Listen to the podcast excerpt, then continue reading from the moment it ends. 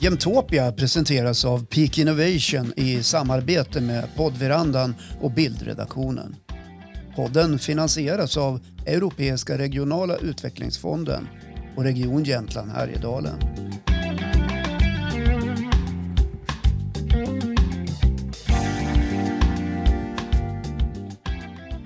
Hej och välkomna till det här lite speciella avsnittet av Jämtopia som vi spelar in i oktober 2022.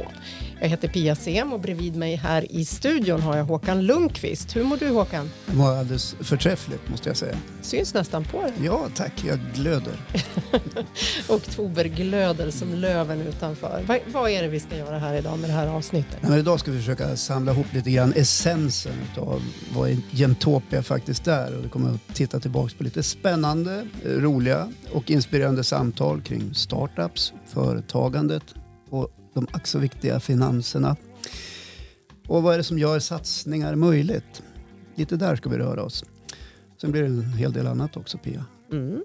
Vi har haft otroligt många roliga och kunniga gäster här under åren. Allt från entreprenörer till politiker och investerare. Är det någon som sticker ut för dig som du vill nämna direkt? Ja, alltså det är en som har satt sig i mitt bakhuvud ganska mycket. Och det är faktiskt grundaren av eh, Cake. Det här företaget som gör elektrifierade transportfordon. Och vi pratar ju egentligen som mopeder och motorcyklar. Eh, vill slå sig in i storstäder globalt för att liksom lösa transportproblemen på ett hållbart sätt. Och jag vet inte vad det var med det där samtalet med Stefan Ytterborn som gjorde att det fastnade. Men jag tror att en del handlade ju också om flugfiske på slutet så det, det kan ha berott på det. Men han var också en intressant och väldigt ärlig och öppen eh, person att, att lyssna till. När han pratade om till exempel att, att samla kapital så var inte det det roligaste han tyckte han höll på med. Men, Men det, där, var, det var nödvändigt. De där rundorna är inte alltid superupplyftande. Man får Nej. gå med hoven liksom, ja. även på hans nivå ja. som ju är en erfaren eh, person mm. ändå och får ändå liksom känna på hur tufft det kan vara ja. med sin satsning. Ja, Stefan Ytterborn var, var rolig. Många av dem som vi har intervjuat är ju verkligen passionerade i det de gör och de vågar också satsa med allt vad det innebär. Eh, jag tänker på den före detta Östersundaren Fredrik Hjelm som är grundaren av Voi, mm. Ja, elsparkcyklarna som alla känner till. Eh, han sa så här om läget när vi pratade med honom. Värdet på bolaget i höstas var närmare en miljard euro. Hur, hur, känns det? Har det gått som du har tänkt med, med företaget? Är det liksom över dina vildaste drömmar eller var det här enligt plan? Det har absolut inte gått som tänkt. Det gör det aldrig. Det är en emotionell och eh, operationell berg och dalbana. Eh, så vi eh, har hundratals utmaningar och problem att lösa varje dag. Eh, men man får väl säga ändå att eh, liksom den långsiktiga trendlinjen har ändå pekat i riktning och fortsätter att göra det. Han var, han var modig tyckte jag som pratade mycket om faktiskt eh, måendet också, det mentala måendet under de här berg och dalbane mm.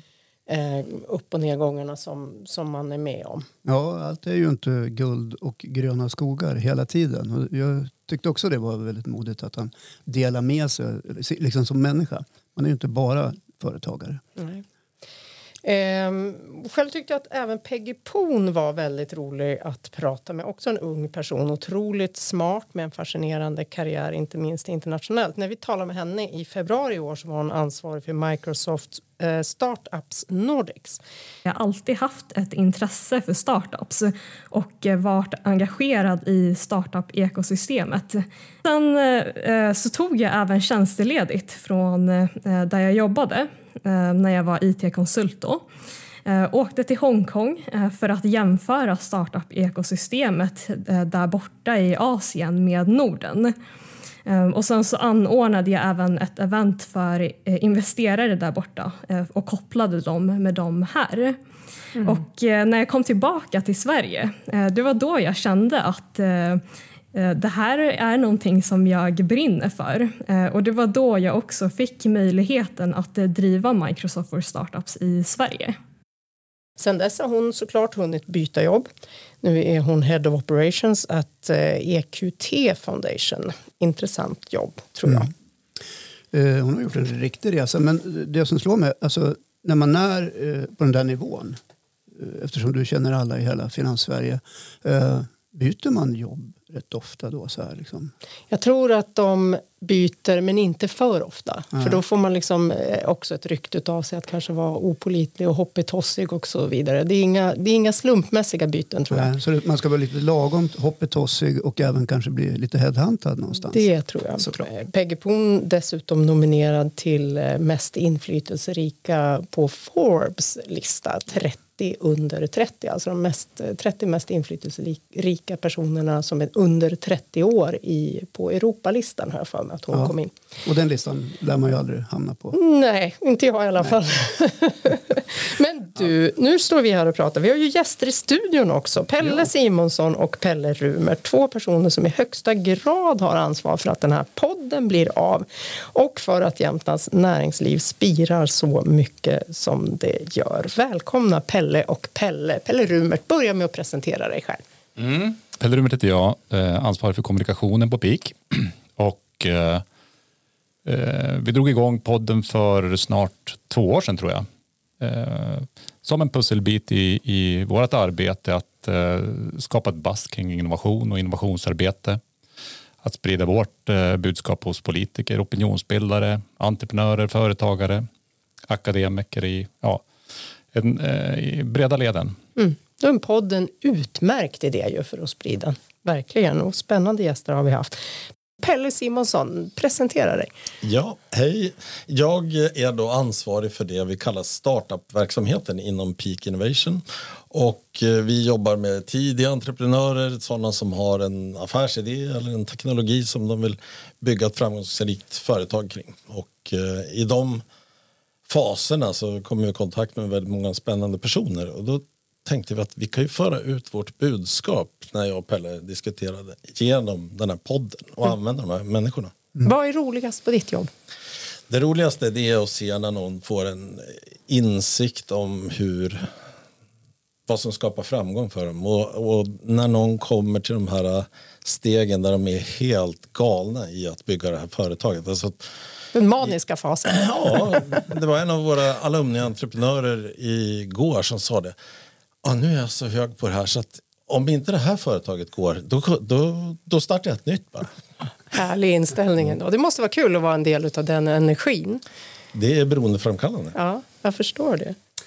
Den här eh, podden, Jämtopia, det är ju ingen så här jättepodd där det strömmar in 200 000 lyssnare i veckan. Men eh, däremot har man ju i den här podden kunnat höra både kända politiker, entreprenörer som har lyckats väldigt eh, stort i världen och så några av landets hetaste finansiärer. Och det finns också en eventuell ny partiledare för Centerpartiet som har deltagit i den här podden också. Elisabeth Tan Ringqvist heter hon va? Mm. Eh, men hur kommer det sig att de här gästerna landar i Jämtopia, Pelle Rumert? Eh, vi pratade om det här innan, jag och Pelle, och vi konstaterade att det bor väldigt många intressanta personer i vår region. Till att börja med. Eh, sen är det många som har eh, sin, sina vintersemesterstugor här och samlas. Så att det är ett bra område att hitta intervjupersoner till podden i. Mm. Sen tar ju podden upp eh, intressanta områden som har liksom dragningskraft på de här personerna. Kring entreprenörskap, att bygga företag, eh, finansiering. Eh, ja. ja. Mm. Det lockar helt enkelt. Ni talar ju ofta om beteenden som är viktiga för ett starkt näringsliv. Pelle Simonsson, vad, vad betyder det? Vad menar vi med det? Jo, det är avgörande. Vi har ju pratat om den här ambitiösa entreprenören och den här passionen och det är otroligt viktigt. Men den verkar ju också i en kontext, i en mylla. Och eh, vi har eh, tagit det som en av våra viktiga arbetsuppgifter. Det är att driva ett antal beteenden för att göra en beteendeförflyttning i hela systemet. Det låter ju väldigt pretentiöst och ambitiöst men vi tror på allvar att vi i ett sånt här sammanhang som podden, i alla relationer som vi har och i de möten som vi har. Om vi kan ha med oss det i bakhuvudet, hur förändrar vi beteenden så kommer vi också göra stor skillnad på sikt. Kan jag dra de här fem? Ja, vilka, jag tänkte ju säga det. Vilka beteenden är det då? Ja, det blev som en ledande fråga. att jag ville dra just ja, de här. Och det ja. är ju så, för att det här är till och med inskrivet i vårt ägardirektiv. Så viktig är den här beteendeförflyttningen. Och då är det, det första är exekvering, att vi, vi är sådana som utför, vi gör saker, vi pratar inte. Och det är de entreprenörerna vi också söker och det är ju vittnat här i Jämtopia med Fredrik Hjelm bland annat. Men sen också förmågan att inkludera att olika människor, olika beteenden, olika erfarenheter skapar mycket mer framgång. Uh, och vi är väldigt hårda på jämställdhet. Det finns också med i våra ägardirektiv. Det tredje är att det är ett värdeskapande. Att oavsett vem det är vi jobbar med så måste det skapa ett värde. Det, det får liksom inte vara aktiviteter eller eh, relationer som inte har värdeskapandet i fokus. Och sen de två sista som hänger ihop lite grann. Att det ska vara ambitiösa projekt och företag och entreprenörer. Och för att lyckas med det så måste man ha en viss del mod. Tänker du på några speciella gäster när det gäller då det här beteendet? Är det någon du vill lyfta? Du nämnde Fredrik Hjelm där innan. Ja, Fredrik Hjelm är ju väldigt eh, extrem eftersom han har byggt upp ett sånt stort företag på så väldigt kort tid. Men jag tycker Staffan Helgesson har väldigt goda insikter. Han har ju varit med i många av de här häftiga resorna, Kry och eh, Spotify eh, Linas matkasse med flera och har ju sett då vilk, vilka entreprenörer det är som har de här beteendena som skapar framgång. Får jag, får jag reflektera? Absolut. Eh, när, när jag började på Peak Innovation för två år sedan så var Pelle min mentor i de här fem beteendena. Men det, det är också att, att bygga en eh, kultur. Det här är, det är kultur, vad är det vi gör, hur vi gör saker. Och eh, en, en del i vår uppgift med, med podden det är att belöna sådana här beteenden. Att påvisa dem och eh, hylla dem. Eh, och det gör vi också genom Innovation Champion som eh, är ett pris som är instiftat tillsammans med Jämtkraft. Om vi kikar lite grann på just startup och det här med kapital. Då. För hur jobbar ni då för att stärka de här sidorna från ert håll? Ja, podden är ju ett sätt att vi tar in personer som får lyssna på de personer som vi tycker har rätt beteenden och har rätt insikter om investeringar till exempel. Och att det här smittar av sig. Vi, när vi har föreläsningar, vi brukar ha sopplunch, ja men då tar vi fram de personer, ser till att de adresserar de frågor som vi vill sprida. Mm. Baserat på de här fem mm. som jag räknat upp. Men använder ni då podden som verktyg vid en föreläsning till exempel? Spelar upp eh, samtal och sånt? Vi använder podden delvis för att säkerställa att vi får in rätt personer i våran sfär. Pelle Rumert, har du något att tillägga där när det gällde beteenden och eh, gäster som, som har lyft den här typen av beteenden? Ja, jag tänker på Kerstin Cooley eh, som har imponerat på mig med, med sina tankar kring hållbarhet och eh, investeringar i startups. Eh, och eh, genom hennes engagemang också i Peak Accelerator som mentor så har det blivit eh, ja, bra effekt på det, att kunna sprida eh, det sättet att tänka, det sättet att jobba, att eh, hitta det långsiktiga i de här bolagen, att för, eh, få eh, bolagen att eh, reflektera över hur man långsiktigt kan ja, arbeta, att inte vara rädd om sig själv, vara rädd om sin familj, mm. vara rädd om sina vänner. Mm. Och, och en, den vinkeln på det. Eh, även Ytterborn tycker jag hade ett bra inspel på den frågan att eh, tro på sig själv, mm. stå fast eh, vid sina kanske grundtankar när investerare trycker på och ha lite bråttom ibland. Att värderingar får eh, ta plats eh, kan man säga även i den här världen som annars kan vara ganska tuff då. Vi stannar lite vid Kerstin Cooley som alltså är managing partner på Brightly Ventures och känd och eh, även prisbelönt investerare. Ibland också med ett jämställdhetsfokus. Inte bara men, men ibland. Hon säger så här när hon berättar vad hon tittar efter för att vilja satsa pengar. Egentligen är det bara tre saker som är viktigt för oss, eller viktigast ska jag säga. Det är en tillräckligt bra idé, en tillräckligt stor marknad och ett fantastiskt team som kan bygga ett riktigt framgångsrikt bolag av det hela. Det entreprenören är det absolut viktigaste och det som avgör om bolaget kommer lyckas eller inte. Mm. Och vad ska han, hon ha för egenskaper då? Ja, det är en bra fråga. Jag, eh, jag beundrar entreprenörer för att de som är framgångsrika, de är lite av superhjältar. Det är så, de måste ha så väldigt många olika egenskaper och behärska så, så mycket. De måste um, ha en otroligt stark tro på det de gör. De måste vara förändringsbenägna, de måste kunna tänka strategiskt, men också ta väldigt snabba beslut när saker och ting händer. De måste kunna entusiasmera och locka till sig andra människor som är minst lika bra som de själva. Och så ska de göra allt det här själva i princip och jobba extremt mycket under en väldigt lång tid. Kerstin Kohle där om entreprenörer som superhjältar och ni är alltså en del då i den här resan som superhjältarna gör, Pelle och eh, Pelle. Reflektioner på Kerstins uttalande där? Ja, I Peak Innovation så är ju jämställdhet en väldigt, väldigt central del. Det är uttalat från våra ägare och finansiärer att verksamheten ska vara jämställd. Så att personalstyrkan ska vara jämställd.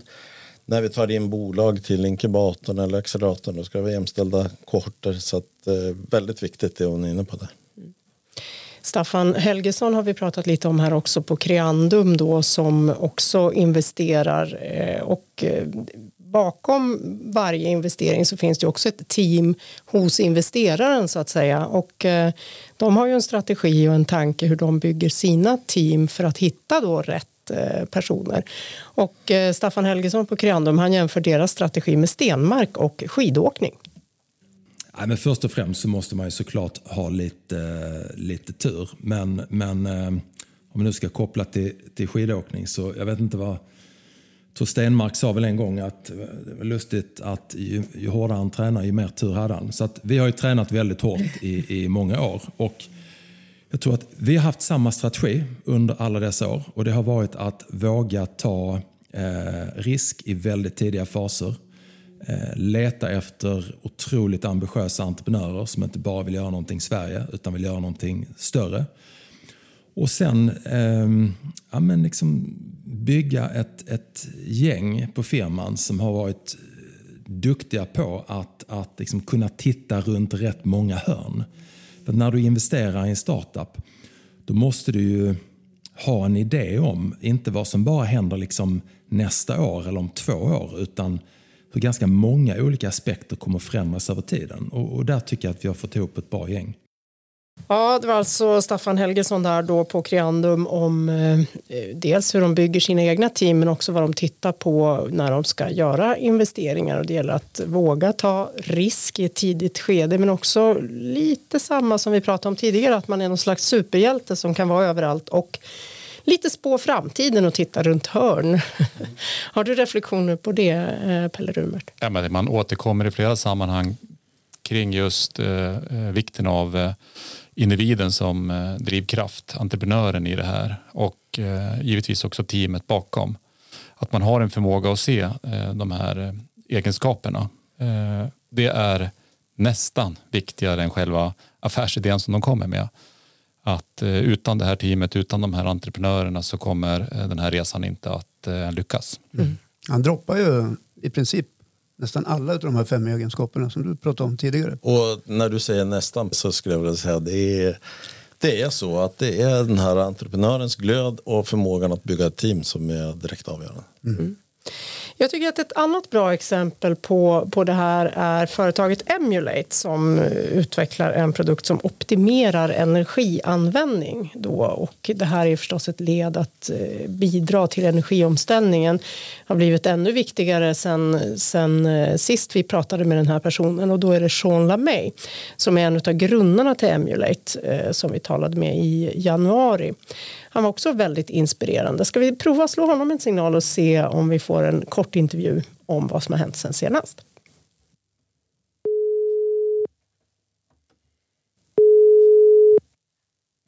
Ja, därifrån. Hej Sean, det är Pia Sem och Håkan Lundqvist i Jämtland, Sverige här. Tjena Pia! Tjena Håkan! Hallå! Jo, det är bra. Kan inte klaga. Jag har ju, jo, det kan jag förresten. Jag har, vi, har, vi fick faktiskt ett Eh, ett, vårt andra barn förra månaden. Så det är rätt mycket att göra hemma. Oh, jag förstår, men det är, ändå, det är ju ändå ett kärt besvär faktiskt. Ja, vi måste ju säga grattis. grattis tack, till det. Tack, tack ska ni ha. Tack. Mår alla bra? Jo, men vi mår alla bra. Så det, var, det, jag, det är vårt andra dag som sagt. Och vår första Samuel, han är tre år. Det är mest han som är besvärlig faktiskt. För mig i alla fall. Eh, Noah, vårt andra barn, han är ju... Han är ju, det är mest min fru som får dra till honom. Men Mm. det är mest vår treåring idag som, har, som tycker att han har fått lite konkurrens hemma. Man brukar säga att det är som att få en andra fru för en kvinna eller en, en andra man för en man att få det där syskonet som man inte har önskat sig heller. Jag måste bara fråga, när, man, Exakt. när, man blir, exakt. när du blir pappa nu för andra gången och du upptäcker att det blir lite, en liten annorlunda värld än när man har ett barn. Kan du använda ditt entreprenörskap då i ditt föräldraskap på något vis? Eh, nej. Då vet vi det. Ja. Det finns inga genvägar. Nej. Du, Sean, vi, vi håller ju på att göra en liten uppföljning här på några av intervjuerna som vi har gjort då, eh, under året i Jämtopia. Vad, vad händer för dig i ditt yrkesliv just nu? Ja, vi har ju det här med, eh, det här med Rysslandskrisen är ju naturligtvis inte skoj för någon. Va? Men det har ju verkligen eh, liksom satt spett på, satt fart på hela energiomställningen och det är ju den här typen av lösningar som vi har hållit på att liksom utveckla nu i något år. Nu är det liksom högst upp på agendan för, för nästan alla elbolag. Så vi har ju väldigt, väldigt, eh, väldigt, väldigt mycket att göra för att försöka liksom komma till marknaden snabbare och möta efterfrågan egentligen. Eh, så det, går, det har accelererat kan man säga sen vi snackade sist. På ett bra sätt för er då? På ett eh, väldigt bra sätt, men också väldigt utmanande. För att vi är ju vi är liksom ett tillväxtbolag. Vi, har, vi anställer typ en i veckan. Och eh, eh, det vi märker liksom att det är liksom man får, när man anställer folk så är det inte nödvändigtvis så att man direkt lägger på eh, liksom, eh, att man, man ökar bandbredden. Snarare så är det så att det är liksom en investering för framtiden. Så man minskar bandbredden Ja. i och med att man måste lägga tid på att få ombord folk igen. Mm, jag förstår. Så det är liksom en balansgång där. Ja. Hur, hur märker ni av intresset från externa parter då? Är det något som överraskar där? Ja, invester, alltså vi stängde ju vår andra investeringsrunda för ungefär en månad sedan. Det, det, det, har, ju, det har ju varit eh, positivt. Det är ju, det är ju många som... Många som nu, är det liksom inte bara coolt att hålla på med det här med liksom, eh, energiomställning och eh, grön energi och liksom det här med sustainability. Utan nu, nu är det helt plötsligt lönsamt och alla vill göra det. Eh, det, det, det är liksom en, en klar skillnad jämfört med kanske fem, tio år sedan. Att, eh, många bolag som pratade om, alltså, som, green, som höll på med greenwashing egentligen för 10 år sedan. Nu, nu, nu är det liksom på allvar och nu, kan man faktiskt, nu är det faktiskt lönsamt. Det är inte bara någonting man gör för att det ska se snyggt ut. Har ni behövt ändra er strategi på något vis eh, på grund av det? Eh, strategin är, alltså vi får ju, vi, vi, sit- vi fokuserar mycket mer på att snabbt få fram någonting och komma ut på marknaden för att skala upp det. För att eh, i och med att det rör sig så snabbt så blir det lite, eh, lite land grab ute på, på marknaden. Att, eh, eh, det finns liksom rätt många andra startups i spacet precis som vi och eh, alla elbolag kommer ju liksom behöva eh, den här typen av lösningar. Så det gäller liksom att röra sig snabbt och komma snabbt in på, hos så många elbolag som möjligt. Så vår strategi har ju endast så tillvida att vi, vi måste röra på oss snabbare och vi, vi försöker liksom accelerera det. När ni har den här eh, den snabba tillväxten eh, och då uppstår det också en konkurrens såklart. Hur lockar ni ut talangerna till er? Vi har, vi har haft rätt mycket tur där. Jag tror att i och med att det finns det är två, tre olika typer av eh, talanger vi letar efter. Det är liksom kommersiell talang, det är rena utvecklare och sen så är det eh, väldigt deep tech, reglertekniken. Och det sistnämnda är för oss mycket enklare att eh, attrahera för att vi, vi, vi har liksom en ganska häftig teknik som har utvecklats på ett eh, liksom det, det är ett välkänt universitet. Eh, folk, som förstår, folk som förstår sig på det tycker att det är liksom häftigt att hålla på med och liksom gärna vill joina oss. Så det, det, det är inte så svårt. Utvecklare däremot, de är lite mer agnostiska och där är det betydligt tuffare att, eh, att, att liksom hitta och attrahera. Så där har vi liksom helt, helt enkelt eh, börjat rekrytera utomlands. Så att vi, vi har liksom work from anywhere policy och vi, vi, vi har hittat rätt mycket folk ute i Europa som vi, som vi, som vi liksom anställt. De finns där, men det är inte helt enkelt att hitta folk som sitter liksom 30 minuter från Lund. Nej. Alltså köravstånd från Lund. Det är jättesvårt. Mm. Men däremot om man öppnar upp hela Europa så ökar ju naturligtvis Polen. Va? Men då har man ju andra utmaningar med att, ja, att man, det, liksom, är svårt att få en teamkänsla när folk sitter lite överallt utspridda och eh, eh nationaliserande. Ja, Sean, tack för att vi fick ringa eh, och eh, störa dig mitt i alla, alla bestyr som du har i... Du är i Boston, eller hur? Ja, precis. Ja, och vi står här uppe i Östersund i Jämtland. Grattis till nya bebisen och det låter ju ändå strålande med affärsverksamheten också. Ja, det ser bra ut. Det gäller liksom att leverera nu. Mm. Tusen tack Sean för att vi fick ringa dig i Boston och ställa lite frågor från Jämtopia. Absolut, tack ska ni ha. Hej då! Hej då! Ja men eh, om vi då fortsätter på energitemat eh, Pelle och Pelle, Rumert och Simonsson. Eh, ni har ju också Jämtkraft som partner. Stämmer bra det. De är ju en eh, viktig del i vårt bolag, den stiftelse som är vår huvudägare, där sitter Jämtkraft. Och det är ju gamla jäm, eller vattenkraftpengar som skapade stiftelsen. Och för oss att kunna attrahera ett bolag som Emulator Sean då måste vi ha en part som blir relevant för dem. Så att eh, Jämtkraft spelar en otroligt viktig roll i det här pusslet när vi ska bygga det vi kallar Peak Accelerator Åre. Och då är det liksom samarbetet mellan olika bolag eller vad är det som är viktigt där? Det är att påvisa att vi har den relationen så att vi kan göra varma introduktioner. Alltså visa på rätt personer inom deras affärsutveckling som blir en speaking partner till dem. Och sen äger de ett bolag tillsammans med fyra andra energibolag och den, det energiklustret är också då relevant för Sean och Emulate. Mm. Det handlar mycket om att eh, få få tillgång till eh, kunder, expertis och testa sina produkter och testa sina tjänster på en sån partner som Jämtkraft. Mm. Jämtkraft är en otroligt viktig del i hela regionens eh, utveckling. Mm. Spännande. Och du säger ju ett magiskt ord här, region. För vi var inne på det i början av podden också, att regionen är liksom ett område som faktiskt drar till sig individer i, i den här i de här klustren vi pratar om. Eh, och många som vi har intervjuat har ju en stark koppling till Jämtland. Det är natur men det är också mycket kring Åreområdet. Eh, och jag kommer tillbaka till Stefan Ytterborn, min lilla favorit. Ja, eh, som då var på väg när vi pratade med honom. Eh, han skulle skaffa ett boende i Edsåsdalen. Och vi snackade ju såklart om det här. Ja, men då måste jag få säga att jag ser fram emot en uh, underbar flugfiskesäsong. Då. Ja, vad kul. Var håller du till någonstans? Du är östersundare? Ja, mycket i Västjämtland och doppar flugorna. Ja, vad roligt. Ja. Ja, men jag, jag, jag håller precis på att skaffa mig ett, ett boende i, i, i, i, i Edsåsen. Uh, och, har, har, och är, är, älskar att fiska. Så att, jag kommer höra av mig till dig så får du visa mig var jag ska befinna mig eller ta mig. Det blir trevligt. Hör av dig du så ska jag hjälpa dig på vägen. Ja, kul. Ja. kul. Gör det, gör det. Passa på att ta Håkan igen. Har en räv bakom varje öra så att passa på och häng på honom lite Stefan så kommer han visa dig bra ställen där åt Västjämtland. Ja, doppa flugorna. ja, doppa flugan. Ja, men det är så här. Jag vet inte varför jag sa så, men det bara blev så.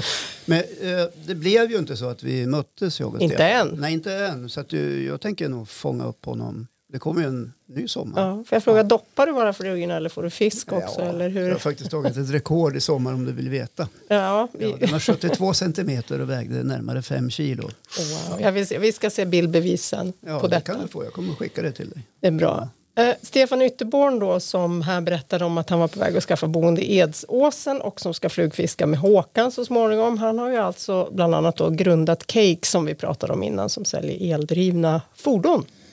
Eh, jag tänkte återkomma till Åreområdet där. Det är mycket som kretsar och byggs kring just Åre och liksom E14-området. Och hur, hur kommer det sig? Hur har det blivit så?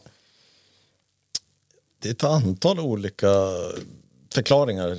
Och vi hade en hypotes när vi gjorde det som heter Peak Accelerator Åre. Då, att i de här backarna så åker det omkring precis det vi behöver för att bygga ett startup-ekosystem här i Jämtland. Det är massa pengar, det är massa entreprenöriell erfarenhet, det är kickoffer och projektgrupper från de stora etablerade företagen och det är attraktivt för ungdomarna. Alltså, studenterna kommer hit i januari. Åre är attraktivt. Det är en eh, av Sveriges kändaste varumärken. Så när vi designade det här då, då tänkte vi att vi måste kunna få de här aktiva. In, inte bara komma hit och åka skidor utan även göra pengar. Och, eller affärer menar Affärer och bygga företag som då blir en del av framgångsfaktorn för det framtida Jämtland. Och den hypotesen har ju stämt, eller hur? Absolut, och jag tänker på eh, de människorna som, eh, eller de personerna som vi har knutit till oss i acceleratorn eh, och deras eh, nationella och internationella nätverk kopplar man ju på det här. Och det blir ju en fantastisk tillgång för entreprenörer och startupbolag som vill ta sig ut i världen. Mm.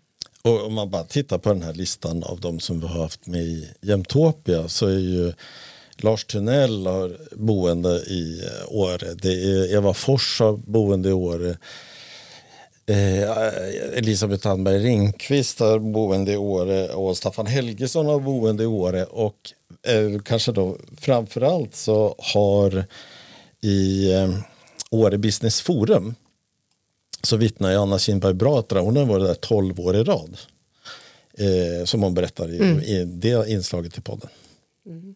Åre drar till sig entreprenörer. Man kan komma tillbaka till det där som vi pratade om i början. Varför är det så intressant att vara med i den här podden? Och det är just många av de här personerna som dyker upp där. Men det är, det är deras berättelse, deras resa. Eh, det är den entreprenörsresa som man gjort eller som finansiär eller som affärsängel som, som intresserar andra affärsänglar, andra investerare och andra entreprenörer att få höra hur de tänker, hur de lyckas, hur de misslyckas. Eh, så, så, så, den erfarenhet och kunskap som finns i det här eh, nätverket är ju fantastiskt. Mm. Affärsmannen Lars Tunnell har vi ju nämnt här då han har ju gedigen erfarenhet eh, inom många områden och han är en av de som vi har intervjuat i podden. Han har också blivit en Åre-profil och fått flera delar av familjen engagerad i eh, området och affärerna. Om vi, vi går till din egen då, din, dina egna investeringar i, i startups, eh, bland annat då i, i Jämtland. Hur jobbar du då? Liksom? Hur, hur springer du på de här företagen? Är det de som vänder sig till dig eller hur, hur går det till? Det, det, är lite olika. Just det företaget eh, och också ett annat företag som jag håller på med har faktiskt kommit via E14 som är ett litet investeringsbolag som vi har Eh, Eh, varit med och, och, startat här. Som hela, det heter E14 för man investerar mellan Trondheim och Sundsvall. Och, och eh, där tog vi in eh, med ett antal eh, personer, ganska många här i, i eh, brett i, i Jämtland tog in 12 miljoner tror jag det var och, och det är nu full, första fonden är nu fullinvesterad och, och eh, man har totalt tror jag hjälpt företag med 36 miljoner. För Almi har varit med och andra har co-invested som det heter, alltså eh, investerat vid sidan om i, i bolagen. Så att det har varit en väldig framgång. Och nu startar eh, fond 2 här. De ska med, träffas för första gången på fredag faktiskt här i Åre. Och, och då eh, har man ännu lite mer pengar. Och min dotter som är djupt engagerad i, i företaget, eh, hon sitter i, i eh, styrelsen också för E14. Ja, Lars Tunnell där som vars dotter bland annat då är eh, inblandad i eh, E14. Berätta mer om E14. E14 eh, e är ett nätverk ungefär med samma idé som vi har haft med PIK. Att man, det måste finnas en anledning att göra saker ihop och det blev den här ytan E14 Invest. Så det är ett antal investerare från Jämtland men ganska många som sin vardag bor i Stockholm men har då boenden i Åre och vill börja använda den tid man spenderar i Åre till också att göra affärer. Och Lars Tunnell har ju investerat i bolag som ni eh, också är lite inblandade i. Precis. Eh, det företaget jag tror du tänker på heter Ergostone och eh, entreprenören där har använder täljsten och eh, Tellsten från Handel och eh, Lars och hans familj, förutom att ha byggt upp stora delar av det vi kallar saden så har de också eh, stora markområden i handöl och har investerat i det Ergostone och sitter aktivt med i styrelsen. Mm. Och Ergostone, det är den där, den har jag faktiskt sett swisha förbi i mina flöden på sociala medier. Eh, det är ju en sån här eh, pulveriserad talgsten, eller hur? Jajamän. Som ska hjälpa mig om jag har ont i nacken eller något sånt där. Kan det är som en vetekudde 2.0. Ja, tack. liksom håller värmen längre, håller kylan längre mm. och så är den här elastisk. Då, så att, ja. Fantastiskt. Coolt. Väldigt lokalt får man ju säga. Roligt. Ja. Storyn var väl att han tog fram den där till sin mamma. Eller var det till sin farmor? Var det, ja. det, är, det, ja. Ja. det börjar med ett problem. Ja. Exakt. Hörrni, om vi kikar lite framåt då, liksom på, lite på framtiden. Vad händer nu i Jämtland som kommer att påverka den, tror ni? Det händer ju väldigt mycket hela tiden.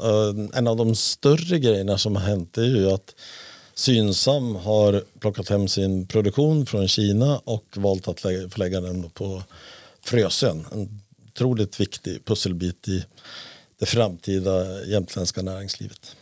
Just det, och eh, vi intervjuade ju Bosse Svensson i samband med det apropå då hur man har gjort i Jämtland för att få Synsam att eh, flytta hit. För det är ju ingen slump utan det är ett ganska gediget samarbete mellan kommunen, tjänstemän inte minst när det gäller tillstånd och liksom bli en attraktiv plats för ett eh, så stort företag som Synsam. Man, man hade ju då ett antal städer som man diskuterade med. Man diskuterade med Eskilstuna, Ockelbo eh, och med Östersund. Eh, och eh, vi hade ju lite olika typer av sätt att närma oss frågan. Och då kan man se att om man är en stad som har Eh, Eh, redan har ett varierat näringsliv, som har ett universitet nära, som har eh, ett partnerskap med privata fastighetsexploatörer, då är det mycket lättare att koncentrera sig på det som en kommun ska koncentrera sig på. Att underlätta, hjälpa till med rekrytering, att jobba med infrastruktur. Så vi har ju fått ett väldigt starkt partnerskap med Synsam. Det är inte fel att ligga där vi ligger.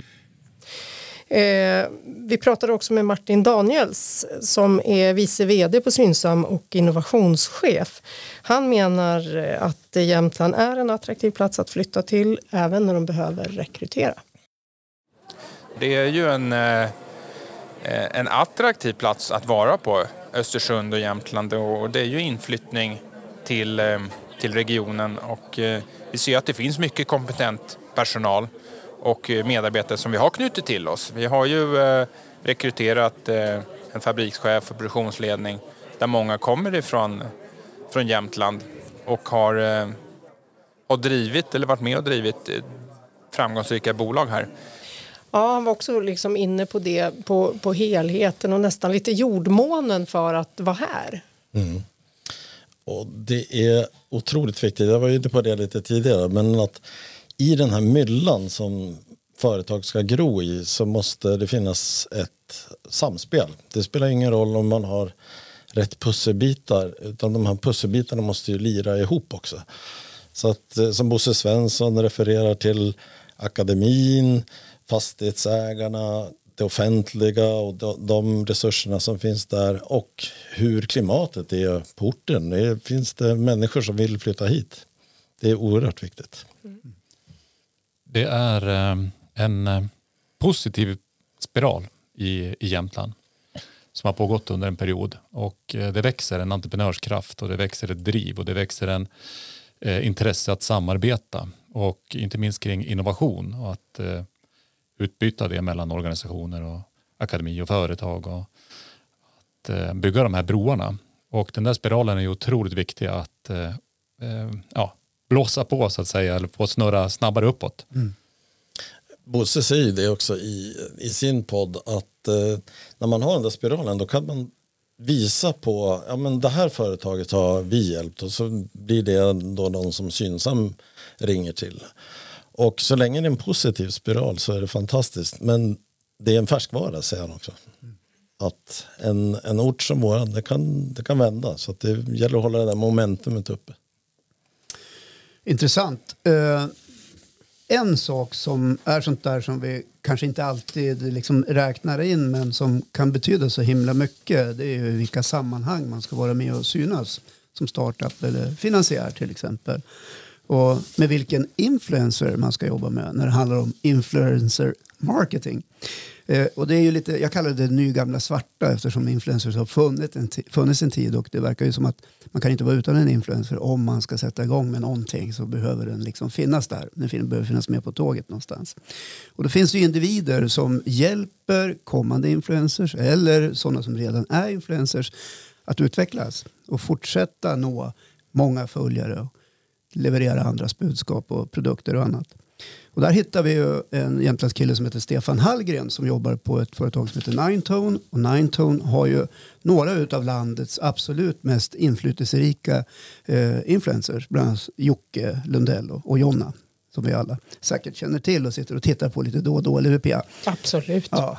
Och han har ju också gästat den här podden och vi snackade en hel del kring just influencers, influencer marketing och finns de i Jämtland? Och jag skulle vilja säga att Jämtland har en väldigt liten grad av influencers men skulle kunna ha fler om, om vi släppte på. Eh, Patrik Zackrisson är ju en influencer som inte finns i sociala medier till exempel. Han har den här Hans, hans forum och hans kanal är revyscenen och lastbilsflak och hembygdsgårdar och stora scener och tv och grejer sådär va. Men, men han har valt att kanske inte gå in och vara den här karaktären i sociala medier. Robert Gustafsson är en motsvarande som länge höll sig från eh, att inte eh, flytta över till sociala medier men så fort han tog sin komedikänsla och la den på Facebook ja, då exploderade hans kanal där. Mm. Så, så svaret är hur, hur är influencersklimatet i Jämtland? Jag skulle säga nästan obefintligt. Ja, in, inte riktigt jättemycket influencersmarknad i Jämtland ännu då enligt eh, Stefan Hallgren. Vad säger du Pelle Rumert? Ja, men det är viktigt att ta den pucken och eh, inspirera andra och eh, ja, eh, visa på hans sätt att jobba. Jag blev imponerad i intervjun hur han beskrev hur han coachade sina influencers och vilken relation till dem han har. Eh, han beskrev dem nästan som sina eh, bebisar. Han var som en far för Ja, hur han är en del i deras uppfostran. Nej, men han, han, eh, han tar verkligen hand om dem och ser till så att eh, de har alla möjligheter att lyckas. Och på så sätt eh, få andra att tänka att det här kan vara en grej för mig. Mm. Också värdedriven skulle jag säga, eller värderingsdriven eh, person.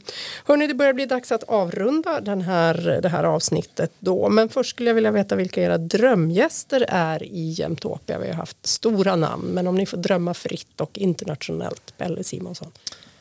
Ja, jag skulle vilja att Kristina Stenbeck kommer gästa oss. Och eh, som storägare i Kinnevik-koncernen. De har ju varit en stor innovationskraft och en modern investerare. Sen finns det en kvinna som heter Julie Hanna. Hon var Entrepreneurial Ambassador of Global Entrepreneurship. Okay. Jättelång titel. Men hon är fantastiskt cool och hon har tentakler till det svenska innovationsekosystemet via Nordic Innovation House i Palo Alto. Men hon har varit med då i bolag som Lotus och Box och Lynk och nu senast i en bankverksamhet för tredje världen som heter Kiva där hon var styrelseordförande där man hjälper människor i fattiga länder, små entreprenörer, små verksamheter att få lån av människor då från den rika världen. Pelle Rumert, har du någon drömgäst som vi ska locka hit till Jämtopia? Mm, vi pratar om eh, nästa Encon. För 15 år sedan så var Encon en startup, eller 20 år sedan kanske. Idag är de ett företag som är värderat upp till 11 miljarder. Att ha nästa Encon i Jämtopia, det skulle jag vilja lyssna till. Mm, det får bli slutord för idag Håkan om inte ja, du har något klokt. också en drömgäst. Ja förlåt, men man Vem kanske inte får... Jo du får önska. Alltså man får... Nej, men alltså, du vill vi har ju en ny med. regering. Och eftersom vi ibland har politiker makthavare med i den här podden. Så jag skulle tycka det var intressant att höra nya näringsministern. Eh, vart vill hon? Mm. Och eh, vad vill man med näringslivet i det här landet? Det skulle jag tycka var kul att höra. Satsa på det till nästa avsnitt. Tack för att ni kom Pelle Rumert och Pelle Simonsson. Och eh, tack Håkan Lundqvist också. Jo tack ska du ha.